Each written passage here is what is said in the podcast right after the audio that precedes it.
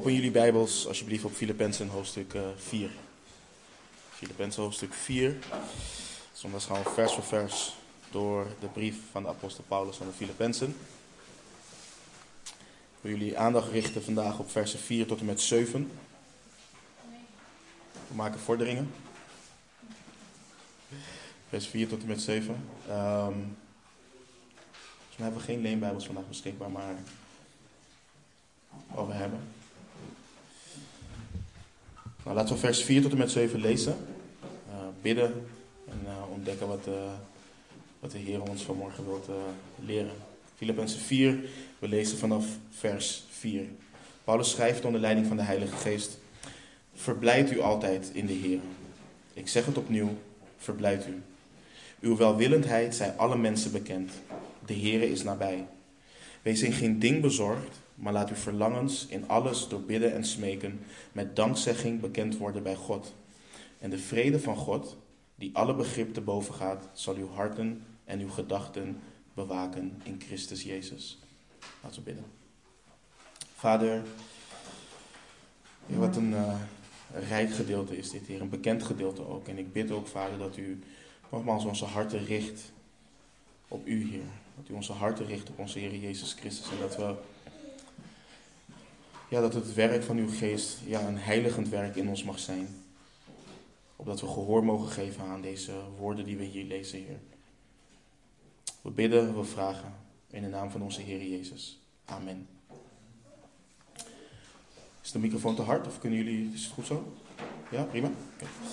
We bevinden ons in de, in de afsluiting uh, van de brief van de, van de apostel Paulus aan de Filippenzen. Uh, een prachtig, bemoedigende, maar ook confronterende, of zeer confronterende brief.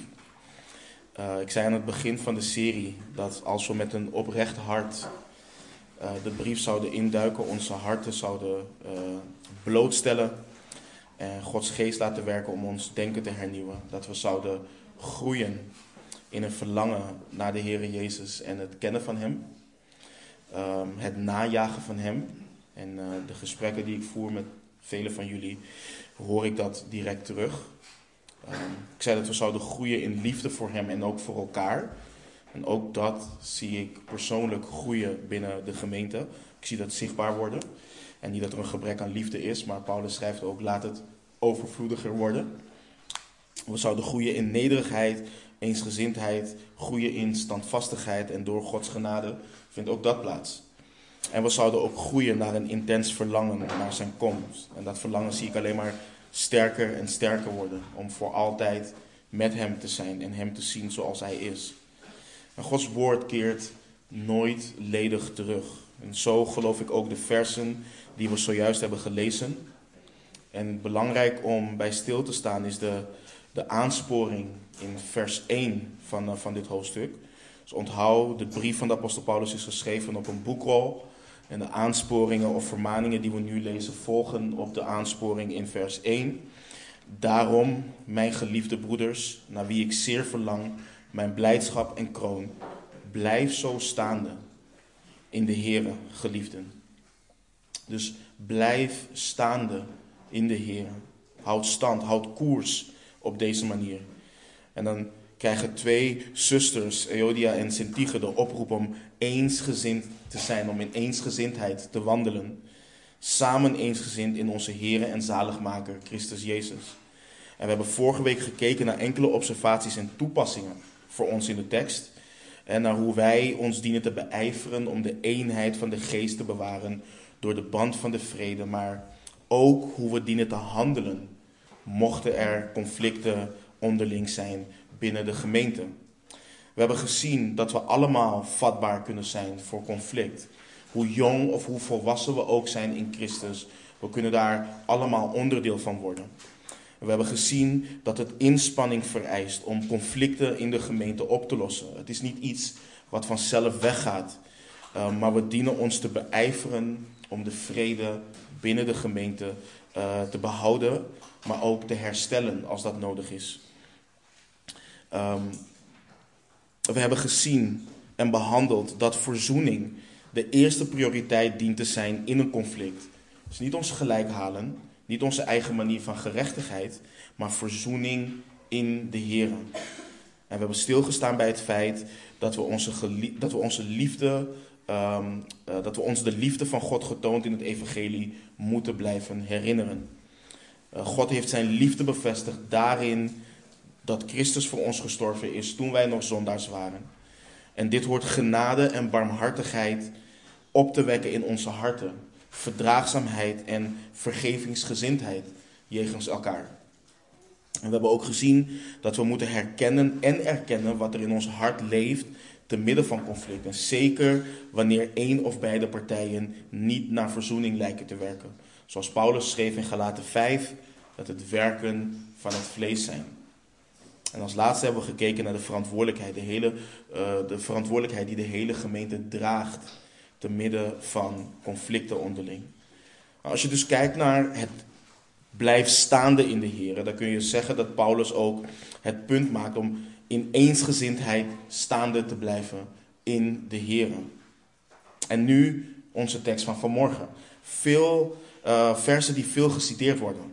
Versen die veel worden doorgestuurd. Versen die ons wellicht blijdschap geven, wellicht bemoedigen. Maar het zijn ook een van de versen in het Nieuwe Testament waarin we het meest ongehoorzaam zijn als het gaat um, als volgelingen van uh, de Heer Jezus. En het volgende, wat ik ga zeggen, ga ik door de studie een paar keer herhalen. We hebben die herhaling nodig. Uh, zeker met wat de apostel Paulus hier onder leiding van, de, uh, van Gods geest schrijft. Maar Paulus, en dit is zo belangrijk, Paulus schrijft de versen die we hebben gelezen op gebiedende wijze. Dus ik herhaal, Paulus schrijft op gebiedende wijze. Hij geeft geen suggesties, hij geeft geen overdenkingen. Nee, hij schrijft op gebiedende wijze. Het, is een, het zijn geboden. Eh, laten we beginnen met vers 4. Verblijd u altijd in de Heer. Ik zeg het opnieuw.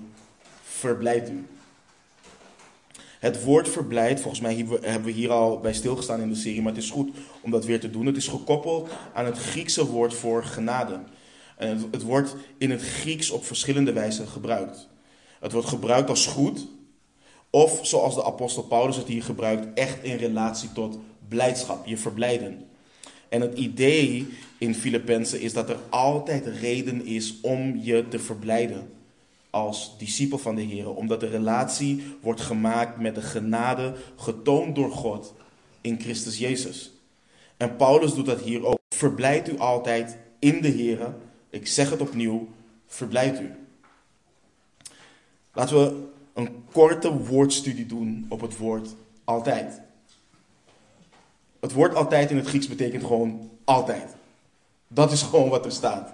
Het betekent altijd, zonder ophouden. Voortdurend. En waarom ik, waarom ik dit zeg is, wij mensen hebben hier moeite mee. We hebben hier moeite mee. Dit wat Paulus schrijft is zo'n enorme bemoediging. En wanneer we het lezen, zijn we ook enorm bemoedigd.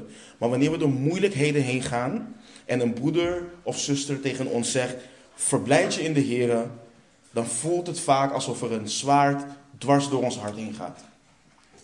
Besef je wel waar ik doorheen ga? Weet je wel hoe zwaar dit is? Weet je waar ik allemaal mee moet dealen? Het is makkelijk voor jou om te zeggen: verblijd je. Maar X, Y, Z. Je hoeft niet je hand op te steken, maar hoeveel van ons kent dit? Of deze? Jij hebt nooit X, Y, Z meegemaakt. Anders zal je niet zeggen, te midden van dit alles, verblijd je in de Heer. Ja, maar de Bijbel zegt het. De Bijbel zegt, verblijd je altijd in de Heer. Ja, en dan krijgen we vaak dit. Ja, maar de Bijbel zegt ook, huil met hen die huilen. Dat zegt de Bijbel ook. Of deze, ja, ik weet dat ik blij moet zijn, maar David was ook vaak depressief en neergeslagen in de psalmen. Waarom reageren we zo? Omdat we simpelweg niet gehoorzaam zijn in wat er staat. Er staat, verblijd u altijd in de Heer. En als je in je Bijbel schrijft, notities maakt of markeert, omcirkel en onderstreep in de Heer. Paulus geeft hier aan wat en wie je bron van blijdschap is. Niet je omstandigheden, niet je gevoelens, de Heer. onze zaligmaker. En velen van jullie kennen het tegenargument wel op de opmerking. Deze opmerking wordt vaak gemaakt. Geld maakt niet gelukkig. Dan zeggen mensen, uh, ja, de mensen die dat zeggen, die hebben zelf geen geld. Daarom zeggen ze dat. En dat is ook zo met onze gemoedstand te midden, uh, gemoedstoestand te midden van uh, moeilijkheden.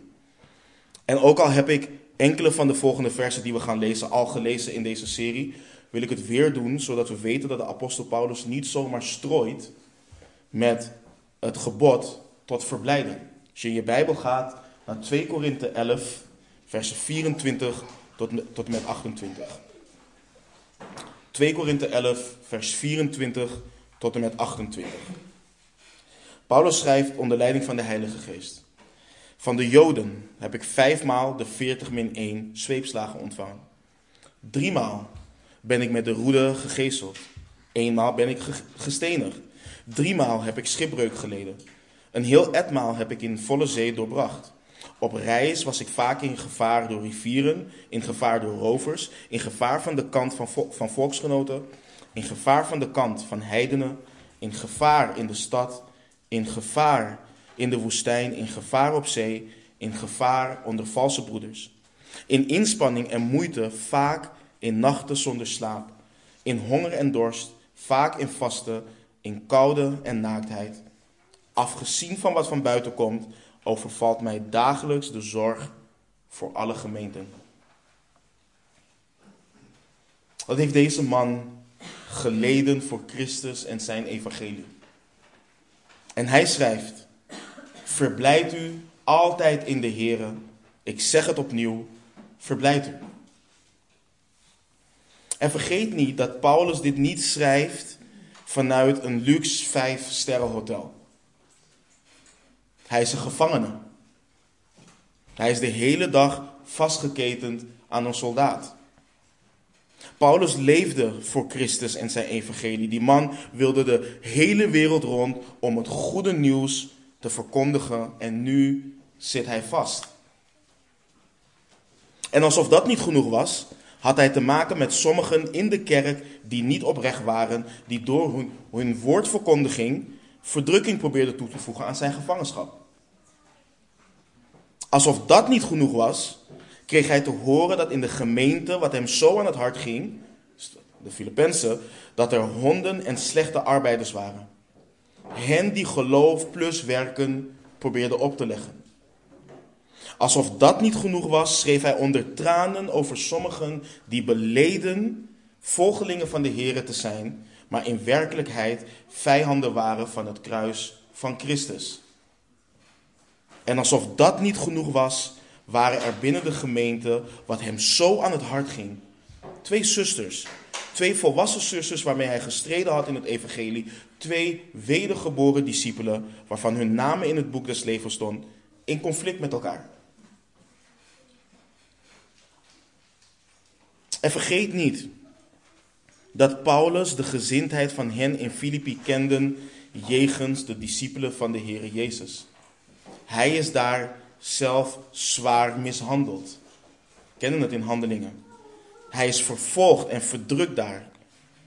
En als er iemand reden heeft, menselijk gezien, om te neergeslagen te zijn, als er iemand reden heeft, menselijk gezien, om de handdoek in de ring te gooien, dan is het de apostel Paulus wel. Maar hij schrijft: Verblijd u altijd in de Heer. Ik zeg het opnieuw, verblijd u. Ik verzin het niet. En waarom? Omdat Paulus zich verblijde, en dat zien we door zijn schrijven heen. Hij verblijde zich in de genade gevonden in de Heer Jezus Christus. Dat is wat voor ogen stond voor Paulus altijd. Paulus was verloren, maar is gevonden door zijn God. Hij was dood, maar levend gemaakt met Christus. En de vraag die wij onszelf dienen te stellen is: zien we in zien we waarlijk in hoe kostbaar het geloof is wat we hebben ontvangen. Petrus opent zijn tweede brief door te schrijven aan hen die een even kostbaar geloof hebben als zij, als hem. Ons geloof is kostbaar. Maar zien we dat ook daadwerkelijk zo? Wanneer je veel mensen, veel mensen ook in de kerk vraagt wat een discipel van de Heer Jezus hoort eh, te kenmerken, dan hoor je vaak de volgende dingen. Hij of zij gaat naar de kerk. Hij of zij leest de Bijbel. Hij of zij bidt. Dat zijn vaak dingen die je hoort die een christen kenmerkt. En begrijp me niet verkeerd, een discipel van de Heer Jezus hoort al deze dingen te doen. Niet om een discipel te worden, maar omdat hij of zij een discipel is. Maar wat een discipel kenmerkt, lezen we bijvoorbeeld in Galaten 5, vers 22. De vrucht van de geest, en dit neemt toe, hè? Dit, dit is iets wat toeneemt in onze wandel. Maar de vrucht van de geest is echter liefde, blijdschap, vrede, geduld, vriendelijkheid, goedheid, geloof, zachtmoedigheid, zelfbeheersing.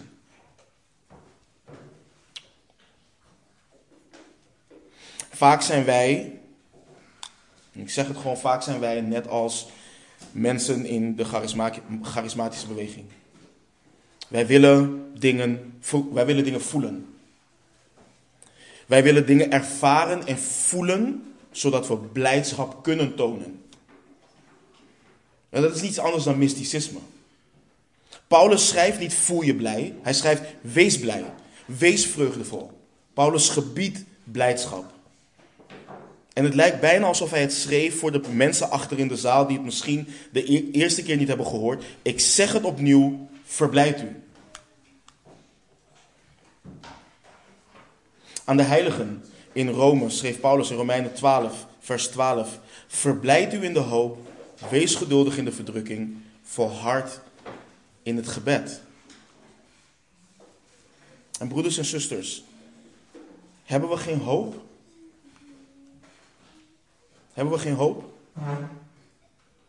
En wanneer Paulus schrijft, altijd, biedt het geen uitzondering hoe pijnlijk, hoe moeilijk, hoe vernederend.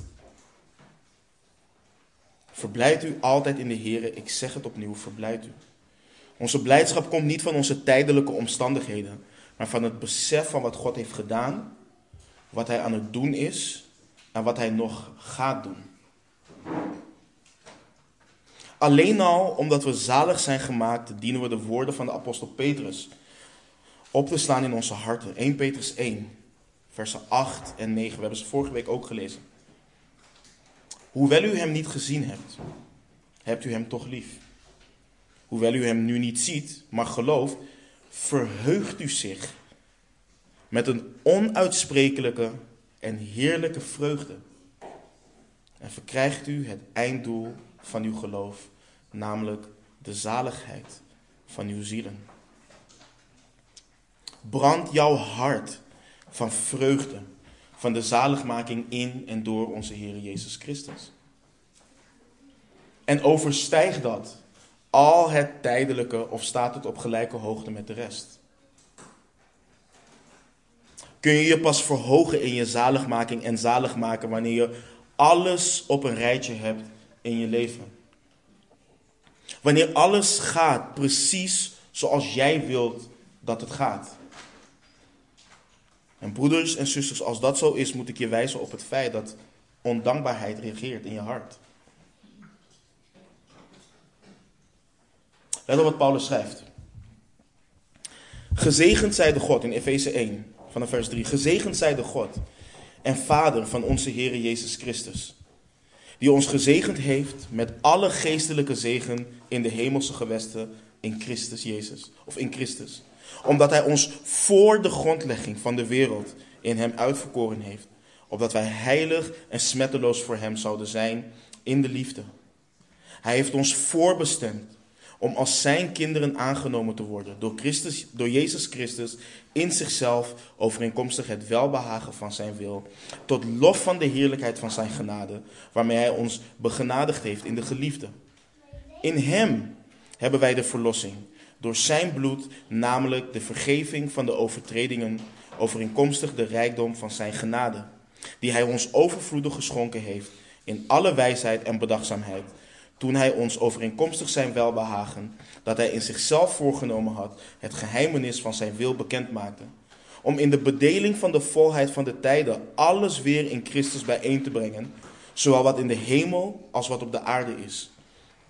In Hem zijn wij ook een erfdeel geworden, wij die daartoe voorbestemd waren, naar het voornemen van Hem die alle dingen werkt overeenkomstig de raad van Zijn wil, opdat wij tot lof van Zijn heerlijkheid zouden zijn, wij die al eerder onze hoop op Christus gevestigd hadden.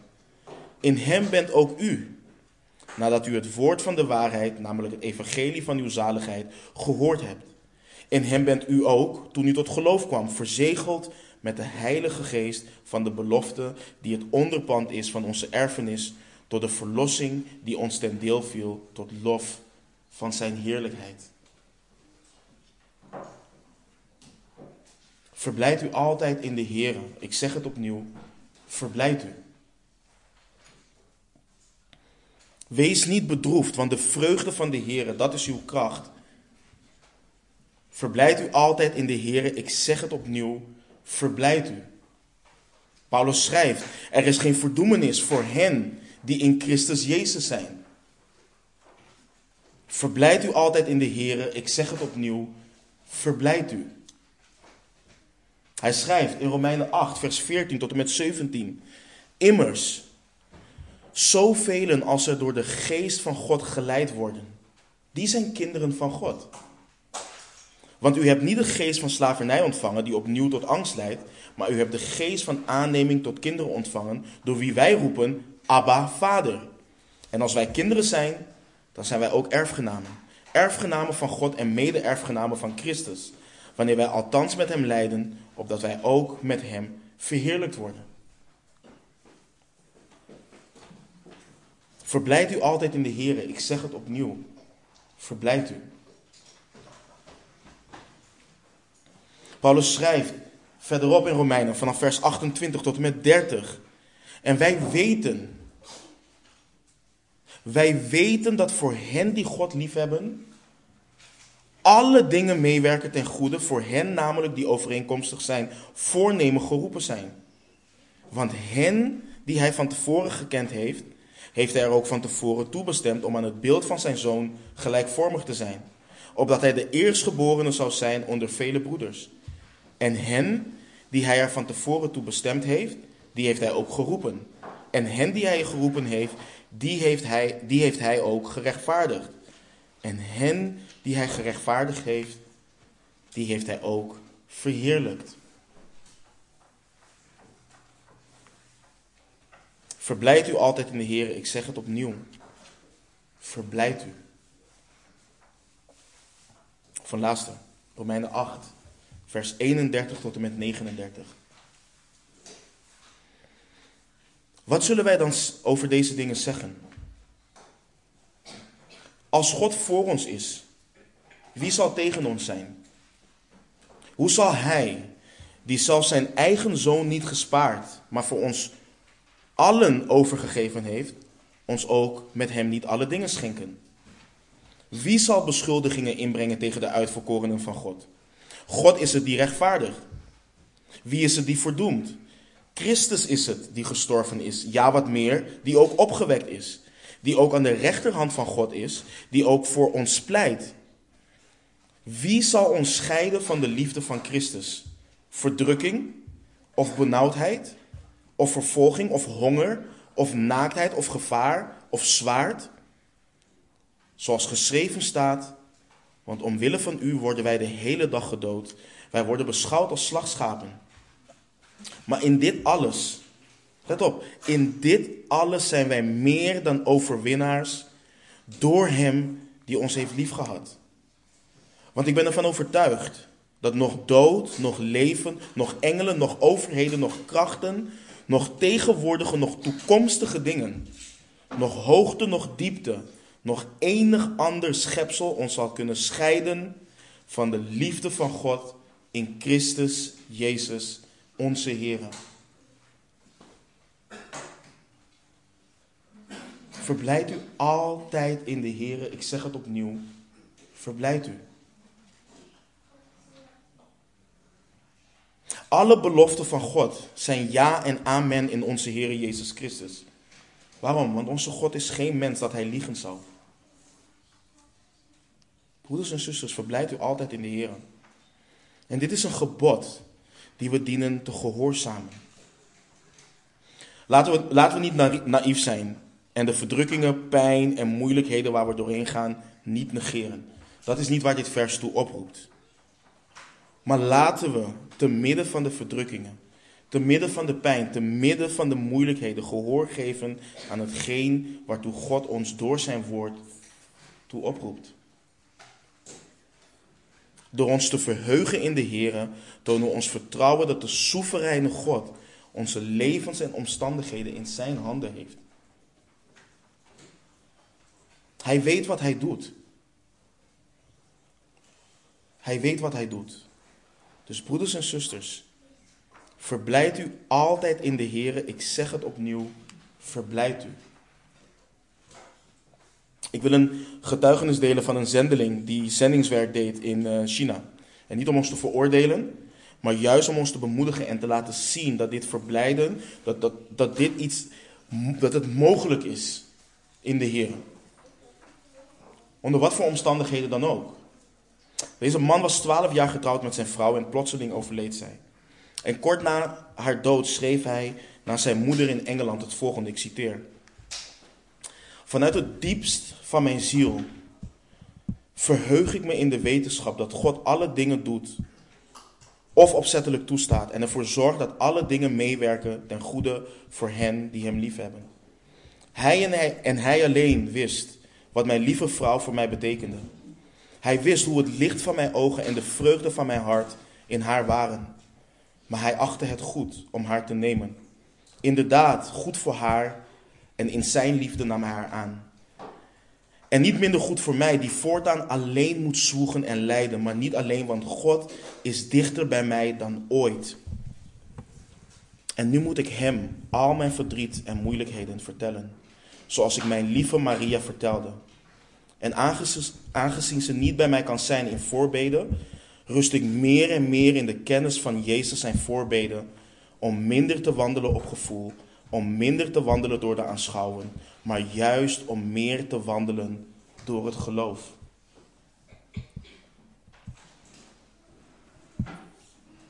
Hij schreef ook aan een van de heiligen waarmee hij arbeidde in het werk van de Heer, in het zendingswerk.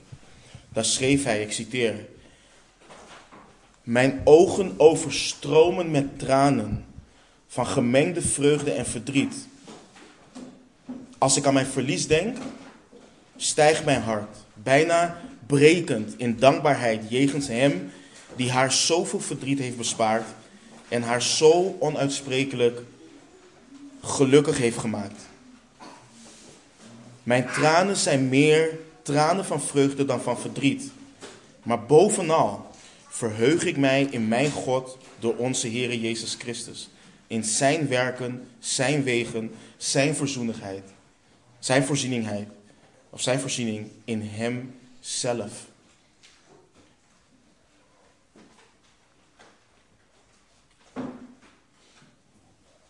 Broeders en zusters, de vraag kan ontstaan in ons hart. Hoe krijg ik deze onuitsprekelijke liefde, vreugde en tevredenheid in mijn heren zoals deze mensen? Zoals de apostel Paulus schrijft en zoals we lezen van onze broeder die een zending, zendeling was. En dan denk ik aan wat Paulus eerder schreef. Beschouw al het andere als schade. Beschouw al het andere als vuiligheid. Beschouw het als rommel. Aanschouw Christus en zie Hem voor wie Hij is. Jouw schepper, jouw zaligmaker, jouw rots, jouw heil. Hij is het die jou intens heeft liefgehad zoals geen ander jou kan liefhebben. Hij is het.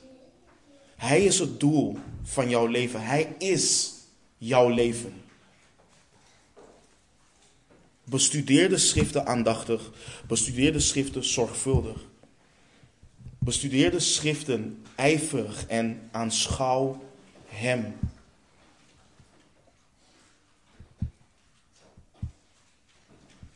Verblijd u altijd in de Heer.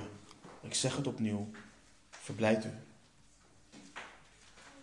En Paulus ging verder en hij schreef in vers 5. Uw welwillendheid zij alle mensen bekend. De Heere is nabij. In de, in de Statenvertaling staat: Uw bescheidenheid is, zij alle mensen bekend. De Heere is nabij. Het Griekse woord wat er wordt gebruikt voor welwillendheid en bescheidenheid, bescheidenheid is in het Grieks lastig te vertalen. Sommigen vertalen het ook als zachtmoedigheid. Ik geloof dat verschillende vertalingen van dit woord de lading kunnen dekken. Maar als we kijken naar de thema's die voorbij zijn gekomen in deze brief, en zeker ook in, in hoofdstuk 2, waar we de vernedering en de verheerlijking van de Heer Jezus Christus lezen, dan zie je dat de apostel Paulus doelt op de gezindheid van de Heer Jezus Christus in vers 6 van hoofdstuk 2. De gezindheid die ook wij dienen te hebben. En dit moet alle mensen bekend zijn, geen uitzondering. En als je dit toepast in de context van de kerk en ook wat we vorige week hebben gelezen over Euodia en Sintige, dan kan het geïnterpreteerd worden dat er een welwillendheid, een bescheidenheid moet zijn, omdat de vreugde en blijdschap in de um, bescheidenheid moet zijn, omdat de vreugde en blijdschap in de Heer dat ook produceert in onze harten jegens elkaar. Een, een hart wat beroofd is van blijdschap in, in de Heer zal niet bescheiden en welwillend zijn om te verzoenen. En Paulus schrijft, de Heer is nabij. En er wordt nogal gedebatteerd of dit refereert naar de wederkomst van de Heer Jezus, of, dit, of dat dit gaat over het feit dat Hij bij ons is, zijn nabijheid, dat Hij met ons is. Net zoals Hij bijvoorbeeld in, tegen zijn discipelen zei uh, in Matthäus 28. Wat het ook is en waar je ook voor kiest, de nabijheid van de Heer hoort ons in beide gevallen vreugde te brengen. En onze welwillendheid, onze bescheidenheid, onze zachtmoedigheid bekend te maken aan de mensen om ons heen. Paulus toont dit voorbeeld zelf in zijn tweede brief aan de Corinthiërs. In 2 Korinthe 10 schrijft hij het volgende. Hij schrijft, ik nu, Paulus zelf, roep u door de zachtmoedigheid, en daar hebben we ons woord, en welwillendheid van Christus. Ik, die volgens sommigen in uw tegenwoordigheid wel schuchter ben, maar in afwezigheid flink tegen u doe. Ja, ik smeek u dat ik wanneer ik aanwezig ben niet flink hoef te doen met de vrijmoedigheid waarmee ik meen het te moeten opnemen tegen sommigen die van mening zijn dat wij naar het vlees wandelen. In deze brief zie je ook heel veel dat de apostolische autoriteit van Paulus werd ondermijnd in Korinthe. En hij kon ervoor zorgen, of hij kon ervoor kiezen, om gewichtig te doen richting hen. Maar hij roept hen op door de zachtmoedigheid en wilwillendheid van Christus tot gehoorzaamheid. Wat voor ons belangrijk is met dit gedeelte, is dat we het zien in de context van alles wat er geschreven wordt in de brief en in de schrift. Dit, dit, dit gedeelte sluit niet uit dat we moeten bijvoorbeeld letten op de honden, op de slechte arbeiders en de versnijdenis. Het sluit ook niet uit dat er mensen zijn die wandelen als vijanden van het kruis en dat we daar waakzaam voor moeten zijn en indien nodig daartegen moeten optreden. Het sluit ook niet uit dat bijvoorbeeld slecht gezelschap goede zeden bederft. En waarom ik dit zeg is om de volgende reden. Versen als dit, soort, eh, als dit soort versen worden vaak uit hun verband getrokken, waardoor we een extreme kant opslaan, dat we welwillendheid, bereidwilligheid en of zachtmoedigheid gaan verwarren met naïviteit of ongehoorzaamheid. Uw welwillendheid, zijn alle mensen bekend, betekent niet verzaak de waarheid om welwillend te zijn. Dat is niet wat er staat. Onze Heere Jezus was welwillend, hij was bereidwillig, hij was zachtmoedig, maar verzaakte nooit de waarheid omwille van, van bereidwilligheid. De blinde man die hij genas, riep hij op om niet meer te zondigen. De overspelige vrouw riep hij op om niet meer te zondigen. Hij openbaarde zichzelf aan de Samaritaanse vrouw in Johannes 4, maar sprak de waarheid tot haar.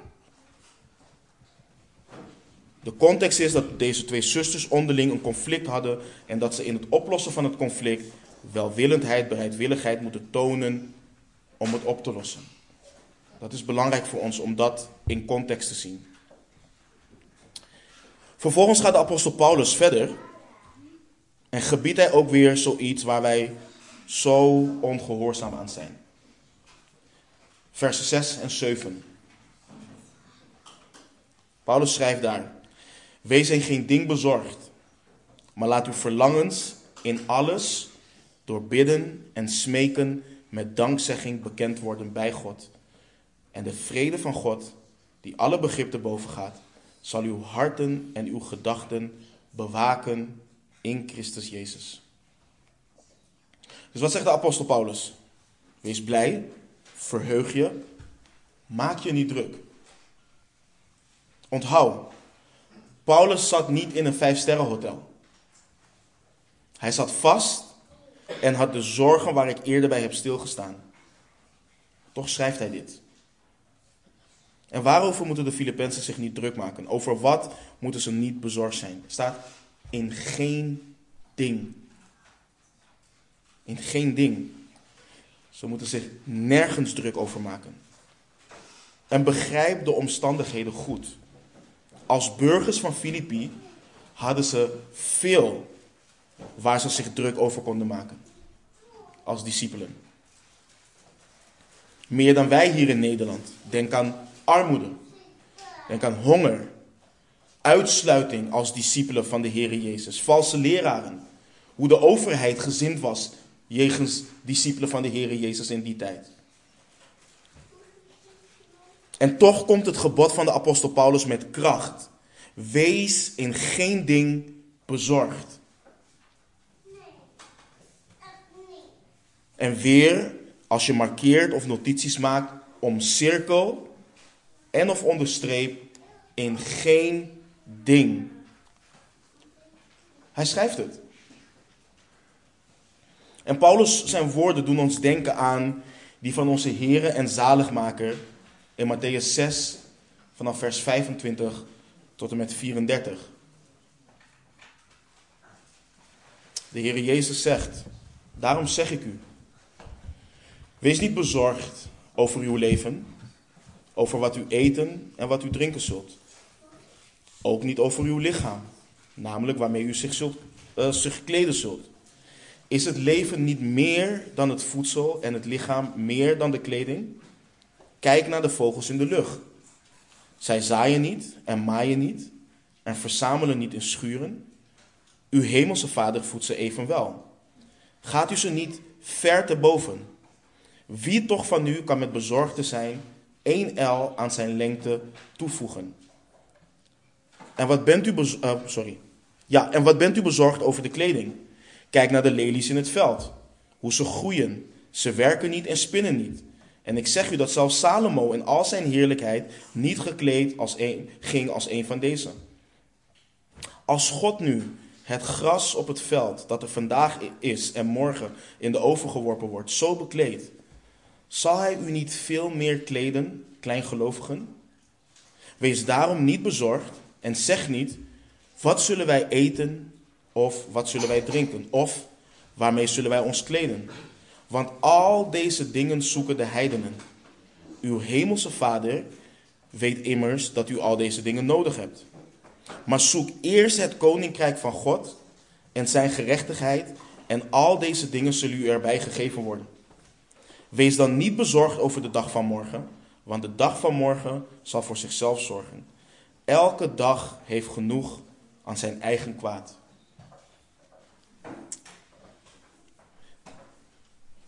Vaak denken we dat wanneer de Heer Jezus dit soort dingen heeft gesproken, dan dat hij in beeldspraak sprak. Maar dit is gewoon heel duidelijk, lijkt me. En op basis van vers 26 is er een, uh, een, zuster in het verre verleden die ooit een lied of een gedicht heeft geschreven wat als volgt gaat. En het is echt treffend. Ik citeer, op basis van vers 26 uh, uh, heeft ze een, een, een, een, gedicht geschreven, schreef, Het roodborstje zei tegen de mus, ik zou graag willen weten waarom de mensen zo angstig zijn en zich altijd haasten en zorgen maken. En de mus zei tegen het roodborstje, vriend, ik denk dat het zo moet zijn omdat ze geen hemelse vader hebben die zorg draagt zoals voor jou en voor mij. Dit is hoe wij leven. Dit is hoe wij leven. In volledige ongehoorzaamheid aan het gebod van de Heer Jezus en wat de apostel Paulus schrijft. Let op hoe de Heer Jezus drie keer zegt in Matthäus 6: Wees niet bezorgd. In vers 25, in vers 31 en in vers 34. Tot drie keer aan toe. En de reden? Onze schepper. En wat weten we goed te citeren en te beleiden dat God soeverein is?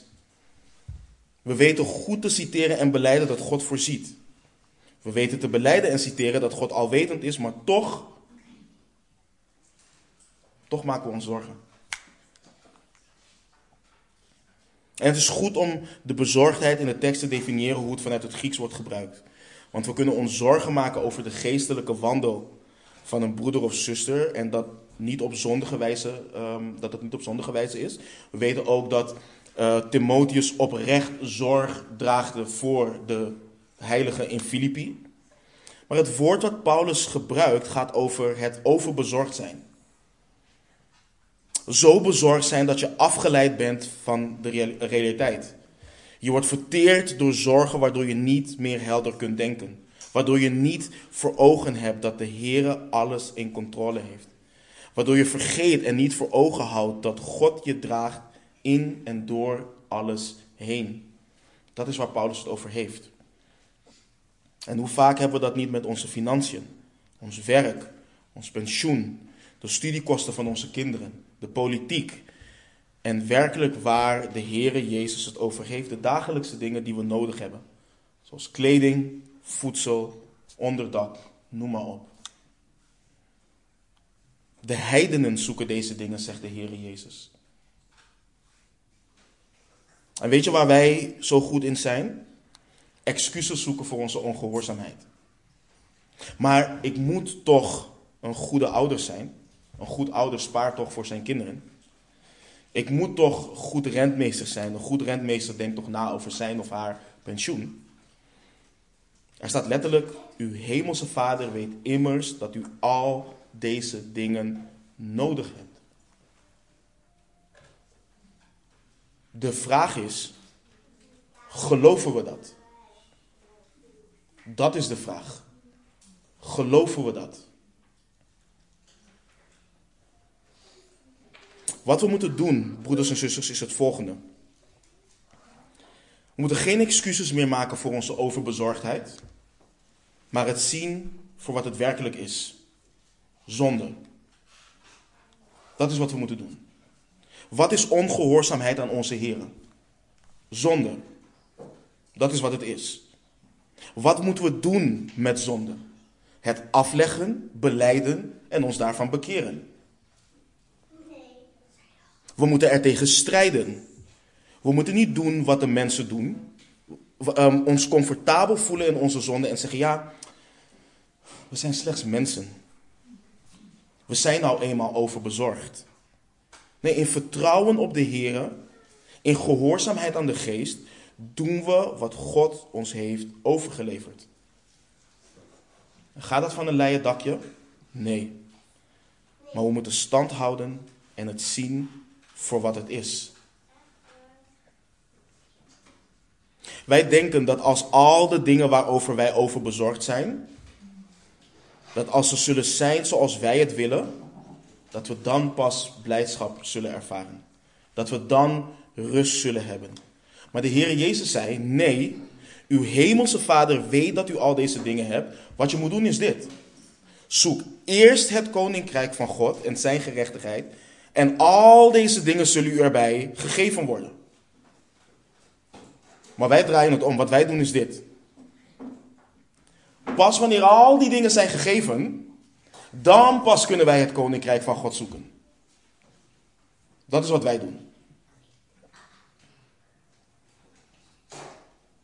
Laten we ons bekeren van die gedachten, broeders en zusters. Overbezorgdheid en vreugde, overbezorgdheid en blijdschap sluiten elkaar uit. Het gaat niet samen.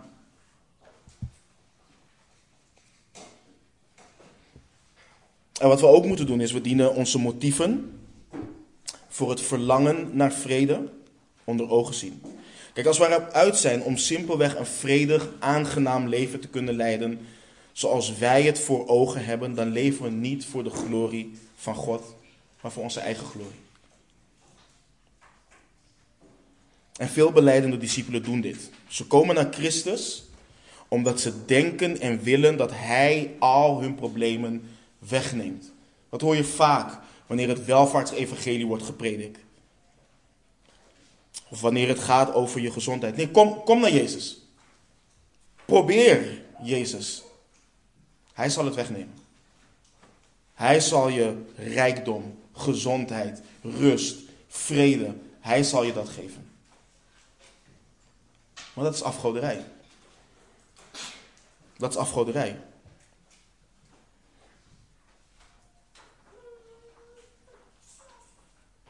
We dienen te beseffen dat de menselijke definitie van vrede niet hetzelfde is als die van God. Want Christus laat ons vrede na. Hij geeft ons vrede. Hij zegt ook tegen de discipelen in Johannes 14, vers 27: Vrede laat ik u. Mijn vrede geef ik u. Niet zoals de wereld die geeft, geef ik die u. Laat uw hart niet in beroering raken en niet bevreesd worden. Kun je je voorstellen dat de Heer Jezus dit zei terwijl hij een gruwelijke dood moet ging? Onze God geeft ons vrede. En weet je wat bijzonder is? Zeven keer wordt onze God in het Nieuwe Testament de God of de Here van vrede genoemd. Ik was aan het twijfelen of ik alle versen zal gaan opnoemen, maar we gaan het gewoon doen. Romeinen 15, vers, 3, uh, vers 33. En de God van de vrede zij met u allen. Zo is het. Amen. Romeinen 16, vers 20. En de God van de vrede zal de Satan spoedig onder uw voeten verpletteren. De genade van onze Heer Jezus Christus zij met u. Amen. 1 Korinthe 14, vers 33. Want God is geen God van wanorde, maar van vrede. Zoals in alle gemeenten van de heiligen. 2 Korinthe 13, vers 11. Ten slotte, broeders, verblijd u. Laat u terechtbrengen, laat u aansporen. Wees eensgezind, leef in vrede. En de God van de liefde en de vrede zal met u zijn.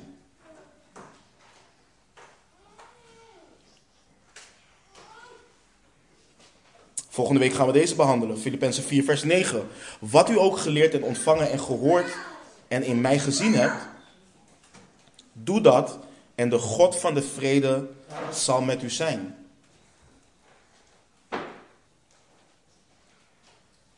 Of 2 Thessalonicense 3, vers 16. Mogen de Heere van de vrede zelf u voortdurend vrede geven op allerlei wijzen. De Heere zij met u allen. En als laatste in Hebreeën 13, vers 20. De God nu van de vrede, die de grote herder van de schapen, onze Heere Jezus Christus uit de doden heeft teruggebracht, op grond van het bloed van het eeuwig verbond. Onze God is een God van vrede en hij is voor ons. Hij is niet tegen ons. En als we weten en beleiden dat Hij soeverein, alwetend, voorzienend en goed is, als we beleiden dat Hij allen voor hen die Hem liefhebben, dat Hij alles voor hen die Hem liefhebben laat meewerken ten goede, maar we toch overbezorgd zijn, broeders en zusters, dan kunnen we maar tot één conclusie komen. We geloven zelf niet wat we zelf beleiden. We zeggen het gewoon. Het is het christelijke om te zeggen. Ja, God voorziet. God is vrede. God is soeverein. Hij weet wat hij doet. Hij heeft mij in zijn hand. Hij kent het begin van het einde.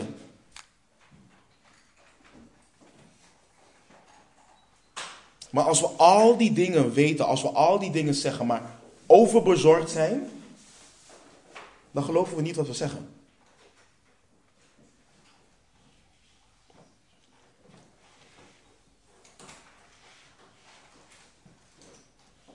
En we geloven niet wat er staat. Wellicht willen we het wel geloven. Ik twijfel niet aan de verlangens en val niemand aan op zijn oprechtheid.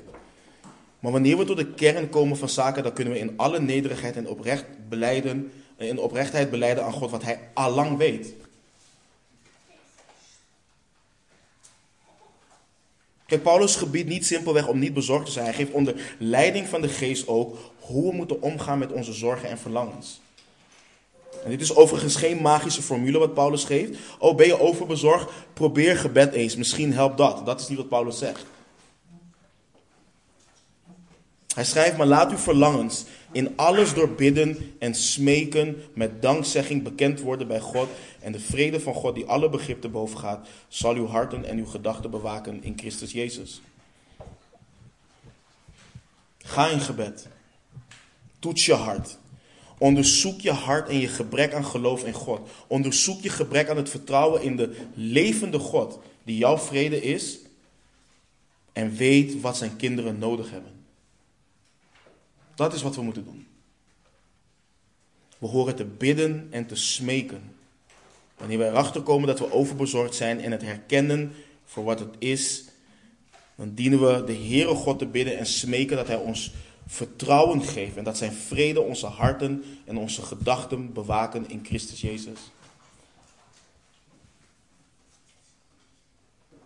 En let ook op hoe we dienen te bidden en smeken met dankzegging. Met dankzegging. In ons gebed dienen we altijd bewust te zijn en ons te herinneren wat de Vader heeft gedaan voor ons in en door zijn Zoon Jezus Christus. Wanneer wij bidden, hoort het ons al te doen denken en herinneren aan het feit dat we alleen tot de Vader door Christus kunnen naderen. En dat we door Christus kunnen naderen met vrijmoedigheid, omdat zijn offer de Vader welgevallig was. En wij in en door hem rechtvaardig voor onze schepper staan.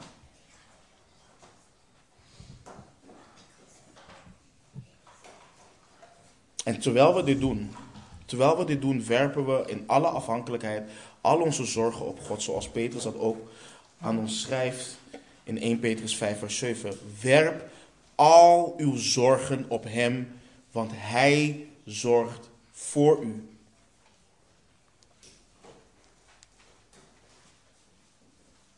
Werp al uw zorgen op Hem, want Hij zorgt voor u. Het is grappig, want dit zijn de versen die wij als eerste sturen naar broeders en zusters wanneer we weten dat ze door moeilijkheden gaan. Maar als wij er zelf in zitten, in een manier gaat, geldt het niet voor ons. Jij moet het doen. Ik heb, ik heb reden om het niet te doen. Mijn, de dingen waar ik doorheen ga, die, die zijn net iets anders. Het is net iets zwaarder. Maar Peter schrijft, werp al uw zorgen op hem, want hij zorgt voor u. En het resultaat is dat de vrede van God, en let op hoe die vrede wordt omschreven, een vrede die alle begrip te boven gaat. Die vrede zal uw harten en uw gedachten bewaken in Christus Jezus. Wat een genade. Wat een genade. En let ook op, en dit is wat mij bemoedigt, of wat we vragen ook gegeven wordt of niet, wanneer wij alles bij Hem in bidden en smeken bekendmaken, zal de vrede van God die alle begrip te boven gaat, onze harten en gedachten bewaken in Christus Jezus. Of Hij het geeft of niet. Voor mij is dit zo duidelijk geworden in de zoektocht naar een nieuw, nieuwe locatie voor de gemeente. Telefoontje na telefoontje. Afwijzing na afwijzing. Hoe gaan we dit doen? De tijd dringt. Moeten we een plan B verzinnen? Moeten we gaan livestreamen? En wanneer je in gebed gaat, dan word je herinnerd aan het feit dat Hij waarlijk de controle heeft. Dat Hij het doet, dat Hij alles in de hand heeft. En dan ervaar je waarlijk een vrede die je niet kunt omschrijven.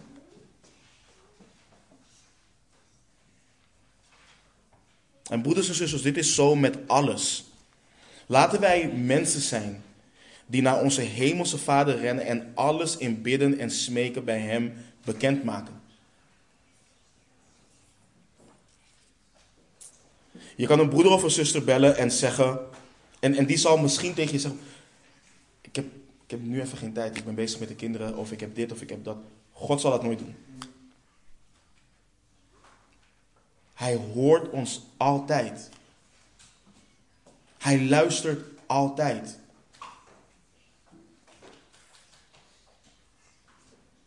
Laten we mensen zijn die delen met Hem wat Hij al lang weet. Niet om het te verkrijgen, niet om te verkrijgen wat we willen verkrijgen, maar omdat we Hem vertrouwen.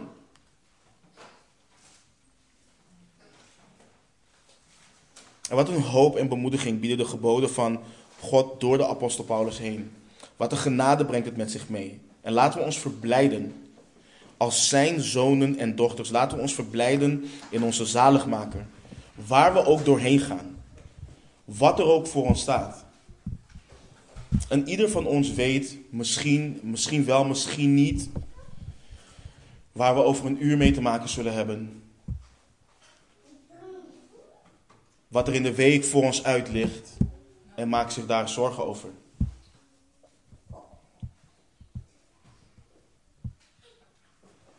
Maar laten we onze ogen richten op de leidsman en voleinder van ons geloof. Laten we vaststaan in de Heer met onwankelbare en onuitsprekelijke, vreugde. En laat dit zich doorvertalen in welwillendheid jegens elkaar en de mensen om ons heen. Laat het zich uiten in bereidwilligheid, in zachtmoedigheid. En laten we ons niet druk maken, broeders en zusters. Laten we niet overbezorgd zijn. In geen ding. Maar laten we onze verlangens al onze verlangens in alles door bidden en smeken met dankzegging bekendmaken bij God. En de vrede van God die alle begrip te boven gaat, zal onze harten en onze gedachten. Paulus heeft het over de hele innerlijke mens. De hele innerlijke mens bewaken in Christus Jezus. Hoop en vertrouw op God. Hij zit op de troon. En de toewijding om te gehoorzamen aan het gebod om te verblijden, om te gehoorzamen aan het gebod om welwillend te zijn voor iedereen, om te gehoorzamen aan het gebod om je nergens zorgen over te maken, en om te gehoorzamen aan het gebod om met dankzegging te bidden, en zo de wonderbaarlijke vrede van God te ontvangen. Deze toezeggingen, deze geboden zullen de eenheid en het leven van de kerk verstevigen en een uitnodiging zijn voor een verloren wereld die overbezorgd is, maar Christus diep en diep nodig heeft. Amen. Laten we bidden. Vader,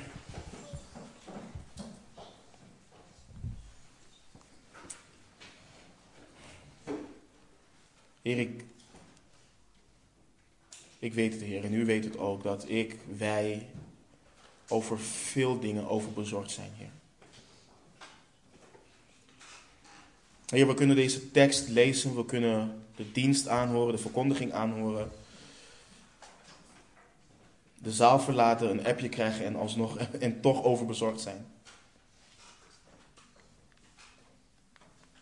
Mijn gebed is, Heer, dat u ons wijst de genade die we hebben ontvangen, Heer.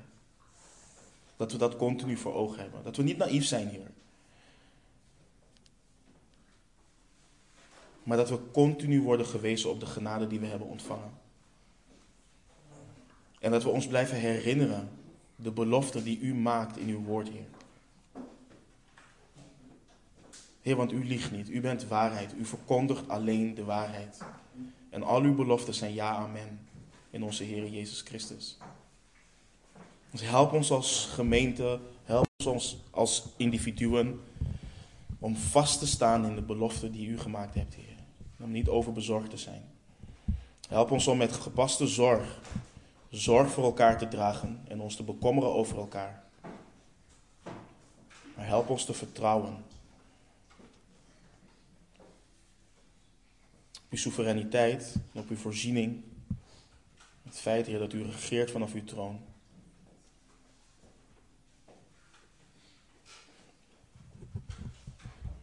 Heer, u bent goed, Heer. En we danken u dat u zo geduldig met ons bent. U komt alle eer, u komt alle dankzegging, u komt alle lof. Komt u toe, Heer. In de naam van onze Heer Jezus Christus bidden we. Amen.